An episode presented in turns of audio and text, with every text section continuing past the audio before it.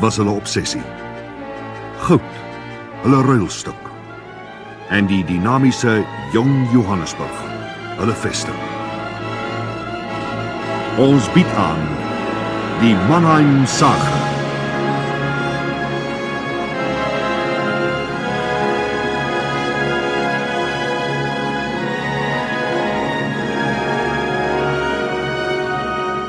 deur Larina Erasmus. Dink ek is geskiedenismal en uh, die storie het net reg geval want ek onthou ons het 'n ons het so middagete gaan eet in een van die Italiaanse restaurante toe nog in Braamfontein.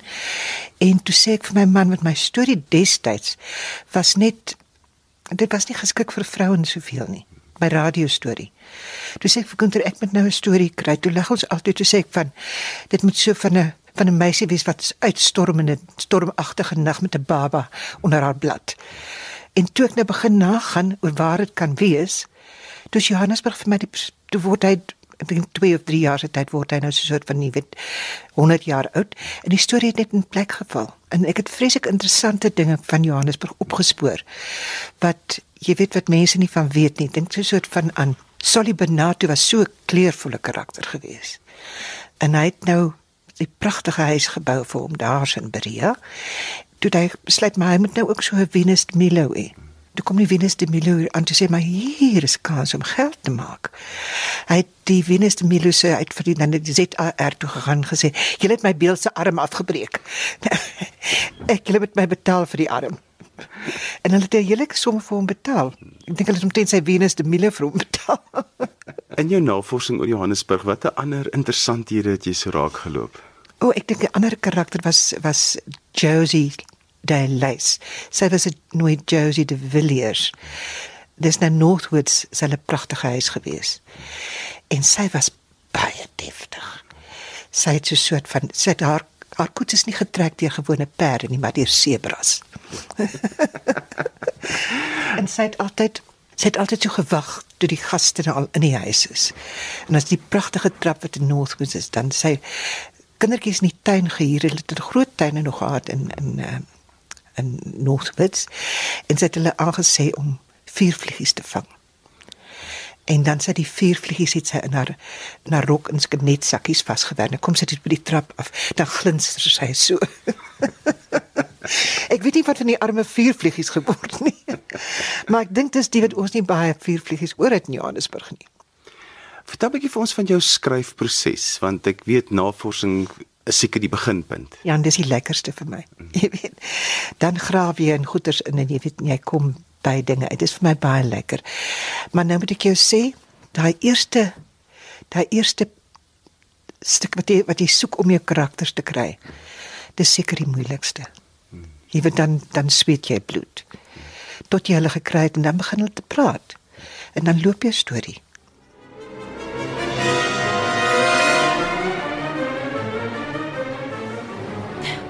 Waarna kyk jy? Ja, kyk daar. Reg in die middel van die horison lê. sien jy? 'n mm -hmm. Klein swart stippeltjie, dis 'n boot. Nou ontbyt sal ek jou die verkyker gee as jy sien. Dis een van die groot passasiersbote. Vrydag vandag, né? Ja. Uh -huh.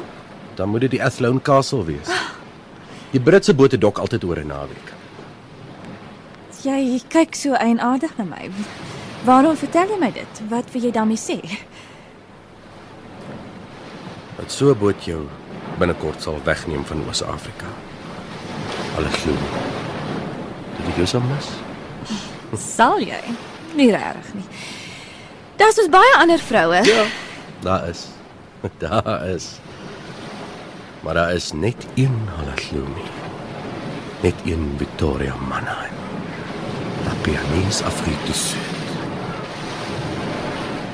Trou met my. Trou? Met jou Dennis Finchatten. Jammer. Maar uh, die blote gedagte. Wat is so snaaks? Trou met my. Ons is hierop, sy boomie trou en ek sal 'n paar van die pekanins met 'n duga stuur sodat hulle kan uitroei en die son gaan vang voor hy kop uitsteek. En ek sal hom laat poleer tot hy blinker is as enige dag en as die son oor die water verrys. Hey, dan sal 'n pater Lamont die trourite uitspreek.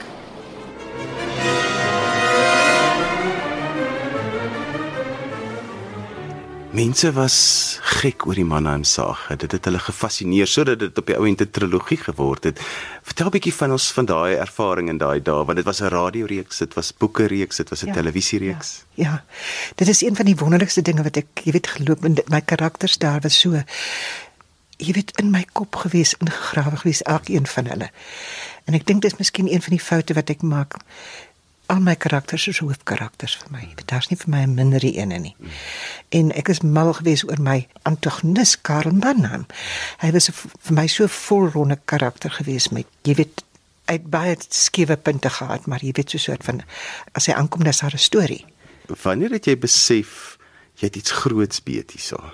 Mens dink mos nooit dis iets groots as jy daaraan werk nie. Jy dink net so 'n soort van dis net soos jy, jy smokkel met karakters en die karakters praat met jou en hulle jy weet vertel vir jou geheime en hulle vertel vir jou ding wat ander mense nie weet nie. En dit is hier's daai skepingsproses wat so wonderlik is. So ek dink nie jy dink ooit daaraan want ek het nooit nie. Want ek dink jy's nou met iets groots besig nie. Maar dit was baie wonderlik geweest toe Sandra Kotse van destyds vir my gesê het hulle wil dit hê vir die televisie vir die vir die feesjaar. En uh, toe ek verskrik want toe ek nou nog nooit 'n 'n- 'n draaiboek geskryf nie. En ek het baie swaar geskryf in die begin, jy weet, en dan my dierbare man, dan sê kyk net baie meer waardig en jammer vir my en sê nou, it doesn't work. It doesn't work. Tot ek een nag dwars deur gesit het. Toe die vroeë môre as die voeltjies begin sing, toe weet ek nou ek het nou iets weet. En toe ek toe weet ek nou so 'n soort van jy weet toe ek die eerste keer sê hy toe vir my dis goed. En dit was 'n wonderlike oomblik gewees, jy weet. Ons jy weet nou nou loop die storie.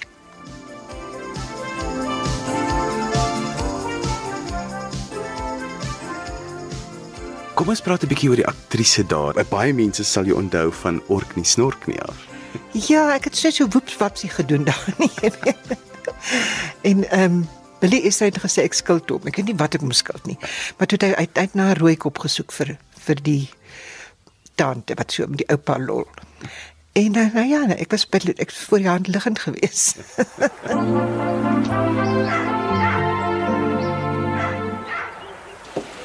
Juffie, maar hy slaap hè. Hy slaap. Is jy reg? Ja, dankie tog, Hendrik. Oh, alles het so vinnig gebeur. Ek het ek kon skaars 'n meter voor my sien. Waar het ek vasgery? In die straat lig se paal. En toe die ryk breek. Toe sit net water en haal ek tog mors. toe. Jy het nie seer gekry nie, het jy? Ek dink nie so net nie. Die vinnig gery net, net by die garage kom om die afdak in te trek. En nog gaan ek net sulke groot gate induik in my karry. Het jy gesien hoe groot sy haal? Net sulke groot golfbolle. Ah, ek hoop Maggie het in die parkade parkeer. Anders is dit weer ek en die versekering. U, jy sop nat. Ja. Kom ek gaan gee vir jou my gel, jy gaan nat siek word met hierdie nat klere.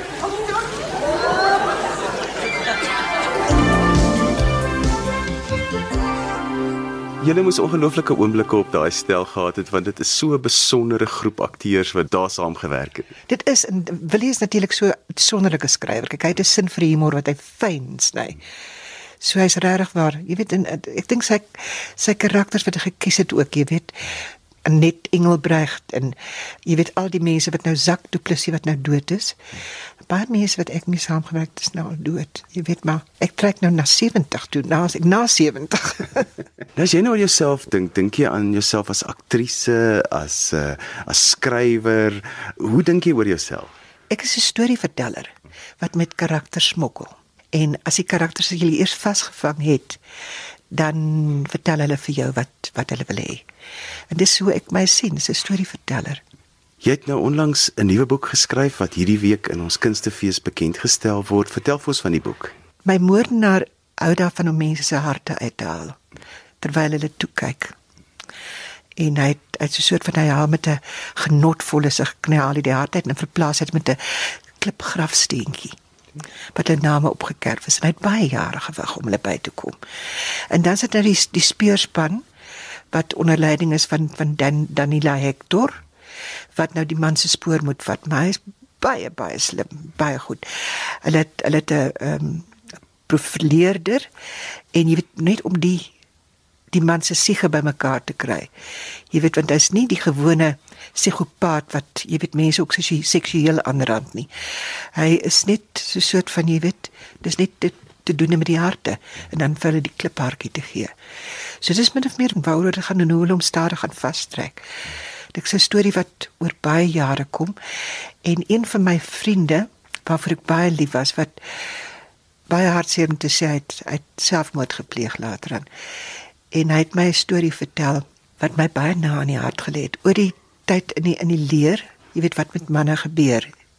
En dit was so 'n soort van jy weet een van daai dinge wat vir my jare al by my kop gespook het. Ek dink dit daai storie moet vertel word.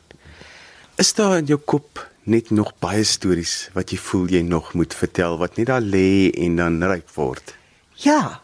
As mens so loop langs die see, of dit so 'n plekkie in Leisure Bay, dan loop jy so en dan dink jy so dan kom daar nog 'n idee by jou op, jy weet, en dan dink jy so jy weet dan buk jy so af, af om 'n skulp op te tel en dan begin jy sommer so in die sand te skryf. ek het altyd gewonder wat die liewe Here in die sand geskryf het. Dit weet niemand nie. Jy weet toe hulle die arme vrou wou gooi met 'n klip of met klippe nie. Dis buk hy en hy is baie cool om drie die hele ding en hy skryf in die sand. Nou so ek so graag wil weet wat het hy geskryf in die sand? Wat dink jy oor die lewe? As jy so loop en stories dink, wat wat broei altyd in jou kop? Ehm um, baie dinge, jy weet ek het twee kleinkinders. Is 'n tweeling. Dit is 'n onmoontlike tweeling. Dit is baie lief, baie liefdevol, maar beide van hulle is autisties. Nou droom ek oor die dag wat ek nou kan vir hulle stories skryf, vir hulle stories vertel. Ek het die enetjie wat so in die môre in die bed spring by ons dan dan vertel ek haar nou van die draak wat nou wat so huil op die maan. Dit sê hoe vreeslik van daai storie want die, die draak huil so verskriklik en dan kom hulle haar want nie, want niemand weet wat wat met die draak toe doen nie en hy maak almal bang. En dan gaan praat sy met die draak. Daar op die maan hulle gly met 'n maanstraal op. Dan gaan praat sy met die draak en sê hoekom maak jy so geraas? Dan sê hy vir wat niemand wil met my speel nie. En ek eet net roosblare en hier is nie rose op die maan nie. En toe my kind vir wie ek eers die storie vertel het elke nag my roostuin gaan plunder. nou Alexis is nog nie oud genoeg my rose te plunder nie, maar sy plunder die ander blomme. Was jy 'n kind vol stories? O ja, ek dink tog so. Ek het vreeslike stories opgemaak oor denkbeeldige vriende wat ek gehad het en ehm um, ek vir my doodhuil, jy weet so 'n soort van die die storie van Sneeuwwitjie. En dan het ek altyd 'n ander angle bygesit. Jy weet gesê dink jy maar as dit nou so gebeur het, sou dit nou so gebeur het, jy weet. Maar hierdie wrede jagter, hoe kom iemand hom nie met 'n pyl geskiet nie? Hoogtepunte in jou lewe wat vir jou uitstaan? Ek dink om te getrou het met my man, is my Oostenryker wat ek ontmoet het in Pretoria en ehm um, ek dink my lewe het begin saam met hom. Jy weet en toe natuurlik my seun wat gebore is. Dis die wat ek begin op speel het. Want jy weet as jy nou 'n kindertjie het, dan kan jy nou so 'n soort van rond gaan hier na toe en daar gaan en om werk te kry Suid-Afrika se aktrise moet jy maar bereid wees om rond te gaan. So nou kon ek toe nou lekker daar bly by my seun en ek kan hier so 'n soort van radio stories skryf. Dis hoe ek aan die gang gekom het. En was destyds 'n Sonovision nog gewees en en ehm um, die paar as ateljee's in die stad. En, en mense het vreeslik baie geleer by hulle. Jy weet ook om met die mense saam te te werk, ehm um, met die klankmanne saam te werk. En dit is ek sal nou nog onthou kon van dit skalk ja, skal skallie burger wat so 'n soort van jy weet dit 'n klankman is by julle. Hy was dan 'n ongelooflike man. Hy en Charles Gentle en so 'n soort van jy weet hulle was so 'n soort van so reg en ek is maar moeilike taart gewees met musiek. Dan moet ek so stapels plate uitdra en so voort. Moeiliker oomblikke wat vir jou uitdaging was? Ek sien moeilike tye as ja, as, as 'n leerskool af. Ek dink die enigste vloektaal vir 'n akteur of 'n aktrise is is om nie werk te hê nie. Jy dan sê jy altyd ek vat 'n ruskansie. maar tussen dit hou jy daai telefoon dop om te lê. So dit is dis dit is swaar tye gewees. En ehm um, ek dink ek het kanker gehad. En ehm um, dit was vir my nie 'n lekker tyd om deur te kom nie. Maar nou ja, mens kom deur so ding ook. Jy weet so. As 'n mens met iets soos kanker werk, dit is daai wat jy so met jou eie sterflikheid het dit 'n impak op op wat jy nog wil doen daarna? Jy dink nie eers daaraan nie. Want jy weet so 'n soort van my my my man het gesê hy was vir my hy het my baie onderskryf maar so so sit om ons afspraak te kry vir die onkoloog wat ek nou sit sê sê dis dis Dante se saal van die dooies. Want jy sien hierdie arme hulpelose mense nou jy, jy weet dan val dinge in plek vir jou. Dan dan weet jy so 'n soort van jy weet nou ja, ons is almal tydelik hier. Maar ehm um, jy weet jy dis nie dat jy gaan lê nie. So ek dink dis 'n ding om te veg. En ek het baie goeie dokters gehad. Jy het so lekker laggie. Watter rol speel humor in jou lewe? Baie belangrik. dis 'n baie belangrike rol. As ek dink as ons nie humor humor se het nie, dan raak die lewe baie bedroef. Ek het een baie wyse dame het vir my gesê my kind jy kan jou maagdelikheid verloor maar nie jou sin vir humor nie. Daar moet tog ook stouter ondeender dae wees wat jy kan onthou oor die jare wat jy gele gedoen het. O, ons was baie nuttig ons meisies. Ons het vier meisies saam in 'n woonstel gebly. En ons was baie onnuttig geweest. Dat ons so opsitbank gehad. Dan moet ons ons die tyd is afgebak en vir hoe lank jy nie op sitbank kan kry. Dan moet jy weggaan. Dan moet jy iets gaan doen. Gaan gaan jy gaan eet uit of wat ook al. Die volgende een moet sy in die opsitbank wees. Dit was baie lekker daar gewees.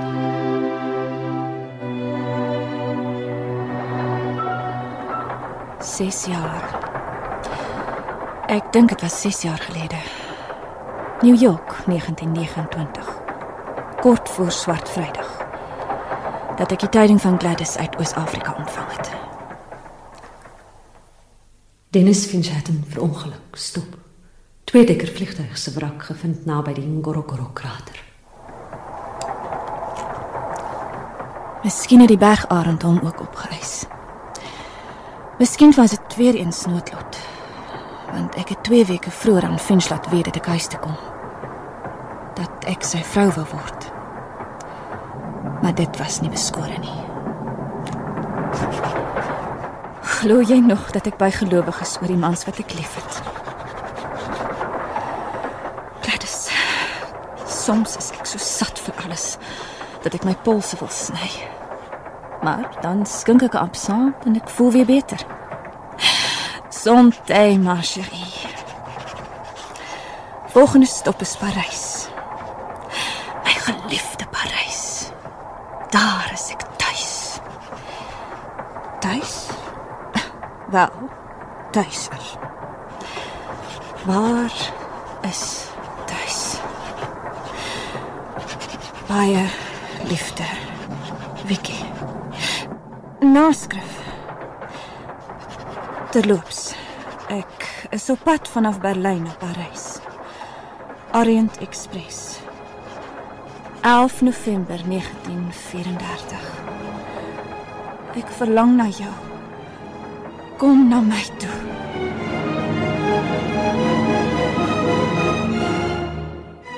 Die Mannheim Sagge word in Johannesburg opgevoer deur Lerina Erasmus en tegnies versorg deur Skalk Foster en Piet Mosca.